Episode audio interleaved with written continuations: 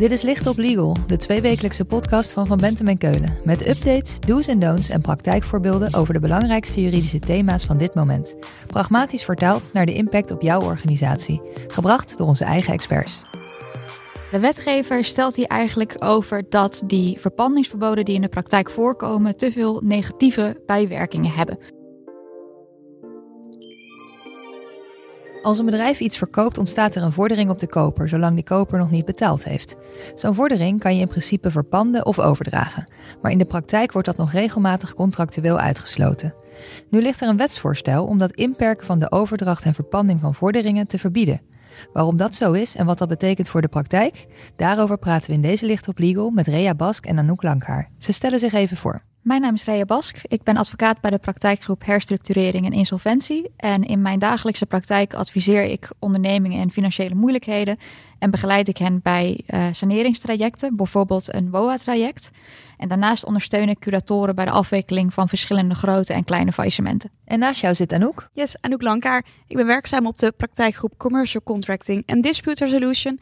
En ik houd me met name bezig met het contracteren en het adviseren over bestaande contracten.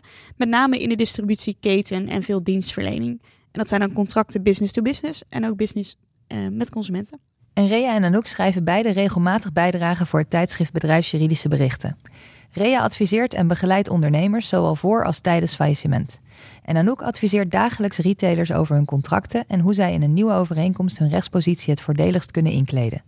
Zij kunnen je dus als geen ander bijpraten over de nieuwe regels rondom het opnemen van verpandingsverboden en wat dat betekent voor de praktijk. In deze podcast duikt Anouk dieper in op wat het wetsvoorstel betekent voor de contracten die bedrijven opstellen. En Rea bespreekt welke gevolgen dit in de praktijk heeft. Anouk, we beginnen bij jou. Waar gaan we het vandaag precies over hebben? In brede zin hebben we het over de contractsvrijheid en de mogelijkheid om dat in te perken. En meer specifiek hebben we het in dit geval dan over de mate waarin partijen kunnen afspreken of ze vorderingen wel of niet kunnen overdragen of verpanden. En aanleiding om hierop in te zoomen is een wetsvoorstel, wetsvoorstel 35482, tot wijziging van boek 3. En kort gezegd wordt hij wel genoemd de wet opheffing verpandingsverboden. En voor de duidelijkheid, het is dus nog een wetsvoorstel en nog geen wet. Rea, ik hoor Anouk net zeggen opheffing van verpandingsverboden. Dat impliceert dat er op dit moment nog geen verbod is. Nee, er geldt op dit moment geen wettelijk verbod. Partijen hebben wel de contractuele vrijheid om een verbod in een contract op te nemen. Het uitgangspunt in de wet is namelijk nu: vorderingen zijn overdraagbaar en verpandbaar tenzij. En niet tenzij's bestaan uit bijvoorbeeld uitzonderingen in de wet, uh, de, het aard van het recht dat wordt overgedragen en uh, dus als laatste een overeengekomen beding in een overeenkomst tussen partijen. En nu met dit wetsvoorstel zou dat betekenen dat, dat laatst, die laatste uitzondering eigenlijk komt te vervallen. Dus partijen mogen dat straks niet meer met elkaar overeenkomen. Oké, dus op dit moment kunnen partijen afspreken dat een vordering niet mag worden overgedragen of verpand. Anouk, gebeurt dat nou veel in de praktijk en waarom zou je dat willen afspreken? Ja, je ziet het eigenlijk vrij standaard terugkomen uh, dat in bepaalde sectoren die overdracht en de verpanding wordt uitgesloten. Met name in de bouw en de retail zie je het veel. Um, het is vaak zo'n laatste clausule in de algemene voorwaarden onder het kopje diverse. En dan zijn er bijvoorbeeld bedingen uh, waarin staat de vorderingen van de opdrachtnemer zijn niet overdraagbaar. Of specifieker niet overdraagbaar in de zin van artikel 83 uh, van boek 3. Soms heb je een wat mildere vorm uh, waar partijen in afspreken dat er bijvoorbeeld overgedragen mag worden, maar alleen met schriftelijke toestemming van de wederpartij.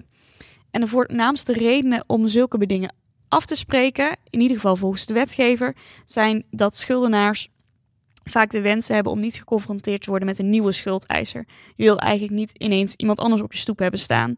En daarnaast bestaat de behoefte aan een eenduidig betalingsadres. En dat is dus met name administratief. Je wil niet steeds in je administratie uh, moeten aanpassen waar je betaling naartoe moet. Precies, want dat leidt tot gedoe. En wat wil de wetgever daar dan nu aan veranderen? In het wetsvoorstel willen ze artikel 83 van boek 3 aanpassen. Zoals Rea al zei, is daar nu in uh, beschreven dat vorderingsrechten mogen worden overgedragen, tenzij je dat bijvoorbeeld in een contract uitsluit. En er zou dan aan toe worden gevoegd dat de uitsluiting van de overdraagbaarheid en verpandbaarheid niet mogelijk is bij geldvorderingen op naam, die voortvloeien uit de uitoefening van een beroep of bedrijf. En ook zijn er een aantal specifieke categorieën opgenomen die dan weer van deze um, uitsluiting zijn uitgesloten. Dus dat verbod geldt niet voor alle soorten vorderingen. Kan je daar wat meer over vertellen? Klopt, het gaat om een specifieke groep. Het gaat om geldvorderingen op naam. Dus niet om vorderingen tot een andere prestatie. En dan gaat het ook alleen maar om geldvorderingen die voortvloeien uit beroep of bedrijf. En dat betekent dat geldvorderingen tussen twee particulieren er bijvoorbeeld niet onder vallen, maar wel een vordering die een bedrijf op een particulier heeft. En daarnaast zijn er dus een aantal categorieën geldvorderingen die niet onder de wetswijziging vallen. En dat zijn bijvoorbeeld vorderingen van een betaal- of spaarrekening, vorderingen die betaald moeten worden op een G-rekening. En dat zie je bijvoorbeeld vaak bij aanneming van werk in het kader van loonpremies. En vorderingen uit de hoofden van een krediet- of geldleningsovereenkomst, als aan de kant van de kredietgever meerdere partijen zijn betrokken. Kort samengevat beoogt de wetgever dit dus van toepassing te laten zijn op het bedrijfsmatige verkeer. Het bedrijfsmatige geldverkeer, ja. Duidelijk. Voor we verder gaan met de gevolgen van deze wetswijziging. Rea, waarom wil de wetgever dit? Want met al die uitzonderingen lijkt het me ook een stuk complexer worden. Ja, dat klopt. Ehm, ja, de wetgever stelt hier eigenlijk over dat die verpandingsverboden die in de praktijk voorkomen te veel negatieve bijwerkingen hebben. Uh, Anouk zei het net al, de uh, verpandingsverboden worden met name overeengekomen door de wat grotere spelers in de markt. En het gevolg daarvan is, volgens de wetgever, dat kleinere ondernemers, dus midden- en kleinbedrijven, uh, vaak niet genoeg vorderingen kunnen gebruiken als onderpand voor bankfinancieringen. En daardoor kunnen zij dus ook minder bankfinanciering krijgen bij de banken, omdat nou die verpandingsverboden zijn overeengekomen. En uh, volgens de wetgever leidt dat dus tot een verstoring van het Nederlandse bedrijfsleven. Met name ook omdat landen om ons heen zulke verpandingsverboden in contracten al niet meer of maar in beperktere vorm kennen. Met het wetsvoorstel beoogt de wetgever dan dus een gericht einde te maken aan die ongewenste contractuele praktijken. En de manier waarop ze dat doet, zou dan volgens de wetgever niet onnodig ingrijpen in de contractsvrijheid. De inzet is om te komen tot een navenante verruiming van het kredietpotentieel voor het bedrijfsleven en dan in het bijzonder voor het midden- en kleinbedrijf. Er is dan onderzoek gedaan wat dan de invloed of de gevolgen daarvan zijn. De Nederlandse Vereniging van Banken en de Factoring and Asset-Based Financing Association Netherlands heeft berekend dat er ongeveer een kredietruimte, extra kredietruimte moet ik zeggen, van bijna 1 miljard zou komen. Ja, en we zitten nu natuurlijk uh, in economische zwaardere tijden. En de wetgever overweegt uh, dat dit wetsvoorstel tot gevolg zou hebben dat midden- en kleinbedrijven extra kredietruimte uh, dus krijgen en daarmee onnodige liquiditeitsproblemen kunnen voorkomen en mogelijk dus ook onnodige faillissementen. En daarnaast uh, geeft dat extra kapitaal natuurlijk ook de mogelijkheid om uh, groei en werkgelegenheid te verbeteren. En ook investeringen en uh, innovaties uit te voeren. Overigens um, is het zo dat bij de beoordeling van dit wetsvoorstel er verschillende instanties zijn geweest die hebben aangekaart dat wanneer je die 1 miljard tussen alle MKB'ers in Nederland zou verdelen, het misschien maar tot 900 euro extra krediet per ondernemer zal resulteren. Maar het is natuurlijk niet zo dat alle MKB'ers aanspraak gaan maken op extra financiering. Nee, klopt. Dus we moeten zien hoe de praktijk uitwerkt. Uh, maar het, het, valt nog even te bezien of de wensen van de wetgever door dit wetsvoorstel daadwerkelijk uh, worden gerealiseerd. Dus om die kredietruimte te creëren mag ik straks niet meer afspreken dat een vordering op mij niet meer kan worden overgedragen of verpand. Is er een tussenweg? Bijvoorbeeld dat ik afspreek dat het niet mag tenzij ik toestemming geef? Nee, eigenlijk lijken alle wegen afgesloten. Uh, een nieuw artikel 83 lid 3 ziet op een contractueel beding dat toestrekt om de overdraagbaarheid of verpanding geheel of gedeeltelijk uit te sluiten, dan wel vervreemding of verpanding ervan tegen te gaan. En het gaat dus niet alleen maar om bedingen die zien op volledige uitsluiting, maar ook bedingen die bijvoorbeeld een boete zetten op overdracht of de overdracht aan voorwaarden onderwerpen, zoals toestemming. Oké, maar ondernemers zijn nog wel eens eigenwijs. Wat als ik het toch gewoon afspreek? Ja, het is dwingend recht. Dus het nieuwe artikel, uh, het nieuwe artikel 383 gaat bepalen dat zo'n beding nietig is. En dat betekent dat je dus gewoon de geldvordering kan overdragen of verpanden. Ook als je een ander beding hebt afgesproken. En Rea, hoe ziet dat er in de praktijk dan uit als we het concreet maken? Ja, stel je voor je bent bouwondernemer en je doet zaken met een vaste leverancier. Stel bijvoorbeeld van verfproducten. En met die leverancier uh, zijn jullie een overeenkomst aangegaan waarin staat uh, dat uh, vorderingen niet kunnen worden verpand. ik neem dan aan dat in de algemene voorwaarden van de bouwondernemer staat. En daarmee zegt de bouwondernemer dus: jij mag jouw vorderingen op mijn onderneming niet verpanden. En op het moment dat dit wetsvoorstel er komt, is dat verbod dus nietig. En voor de verfleverancier is dat op zich goed nieuws, want die kan nu dus meer krediet krijgen bij banken, omdat hij meer onderpand uh, ter beschikking heeft. En voor de bouwondernemer is het misschien wat minder goed nieuws, want die kan vanaf nu dus worden geconfronteerd met, uh, stel je voor, een bank of een andere pandhouder die die vordering uh, komt incasseren. Het heeft dus gevolgen voor de bouwondernemer, maar ook voor de leverancier. Anouk, waar moet die nou op letten? Ja, het wetsvoorstel regelt niet alleen maar wat partijen niet meer mogen afspreken, maar het verandert ook de formaliteiten rondom zo'n overdracht of verpanding van een geldvordering. Even kort samengevat, overdracht van een vordering, dat gaat via sessie, openbaar of stil. Beide vereisen een akte, zij het een ander soort akte, um, en een mededeling. Want na de mededeling kan uh, de nieuwe schuldeiser ook daadwerkelijk innen. Bij een stille sessie kun je even wachten met die mededeling. Uh, maar uiteindelijk om te kunnen innen is die mededeling nodig. En die mededeling is nu vormvrij en dat wordt straks schriftelijk. En hetzelfde geldt voor het vestigen van een openbaar en een stil pandrecht. En met dat schriftelijkheidsvereiste stelt de wetgever in belangrijke mate tegemoet te komen aan het belang van de schildenaar om een eenduidig betalingsadres te hebben. Een van de redenen die we eerder noemden om in je bijvoorbeeld algemene voorwaarden zo'n beding op te nemen dat vorderingen niet overgedragen mogen worden. Maar je kan dus mogelijk met een nieuwe schuldeiser worden geconfronteerd, sneller dan voorheen.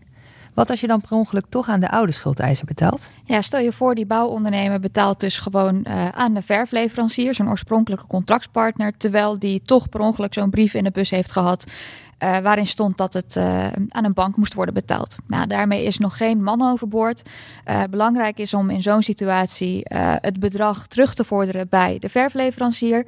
Um, want die betaling is onverschuldigd geweest. En tegelijkertijd moet je wel direct uh, de factuur aan de pandhouder betalen.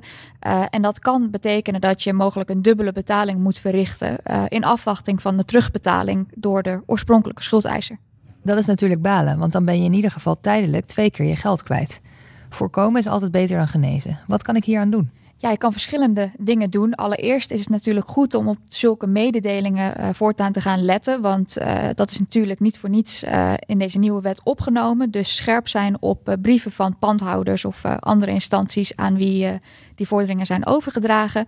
En mocht je geconfronteerd worden met een situatie dat je eigenlijk niet weet aan wie je moet betalen, je betwijfelt bijvoorbeeld. Uh, je twijfelt aan de brief van die pandhouder. Uh, wie is dat nou en uh, klopt die verpanding wel? of moet ik dan niet toch aan de oorspronkelijke schuldeiser betalen? Nou, mocht je in zo'n onzekere situatie terechtkomen, kan je beroepen op de onzekerheidsexceptie in de wet. Die staat in artikel 637 BW. En die houdt in dat zolang jij voor jou niet duidelijk is aan wie je moet betalen, jij je betaling tijdelijk mag opschorten. Deze wetgeving komt er dus aan, maar wanneer precies? Ja, de regering heeft het wetsvoorstel nu bij de Tweede Kamer ingediend. En op 19 juni aanstaande uh, vindt er een plenair debat over het wetsvoorstel plaats. En na zo'n plenair debat is meestal al meer duidelijk over wanneer we de wet daadwerkelijk kunnen verwachten. Dus ergens na 19 juni 2023 treedt deze wet in werking. Anouk, geldt dat dan alleen voor contracten die opgesteld worden na inwerkingtreding? Of ook voor de contracten die daarvoor zijn opgesteld? Het gaat zowel gelden voor bestaande contracten als nieuwe contracten. En bij bestaande contracten geldt dan dat het na drie maanden uh, pas van toepassing is. En dat het dus ziet op de overdracht en verpanding van vorderingen na het moment van inwerkingtreding. Dus bijvoorbeeld, um, de wet treedt in werking op 1 januari volgend jaar. Dan kan een schuldeiser vanaf 1 april een zakelijke geldvordering overdragen of verpanden. Ook als er nog iets anders in het bestaande contract staat. En voor nieuwe contracten geldt het um, gewoon gelijk. En dat is een best wel korte termijn, die drie maanden. Uh, maar de wetgever vindt dat je er inmiddels al mee rekening kan houden, omdat ze het dus inmiddels al bij de, uh, bij de Tweede Kamer ligt. En als het wetsvoorstel doorgang gaat vinden, is het dus zaak om ook bestaande contracten te gaan bekijken. Zeker ook de templates, uh, waaronder de algemene voorwaarden. En te kijken, ja, is dit voor mij een risico of juist een kans en moet er iets aangepast gaan worden? Je moet er dus alvast mee aan de slag. Anouk, Rea, dank jullie wel. Als we meer willen weten, waar kunnen we dan terecht? Ja, bij vragen kan je ons altijd mailen op anouklandhaar.vbk.nl of reabask.vbk.nl. En je kan ons natuurlijk altijd bellen en onze nummers staan op de website. Dit was Licht op Legal, een podcast van Van Bentem en Keulen. Te beluisteren via Spotify, Apple Podcasts of je eigen favoriete podcast-app. Wil je meer weten? Heb je suggesties voor een onderwerp? Of wil je dat onze experts hun licht laten schijnen op jouw juridisch vraagstuk? Laat het ons weten via vbk.nl/slash.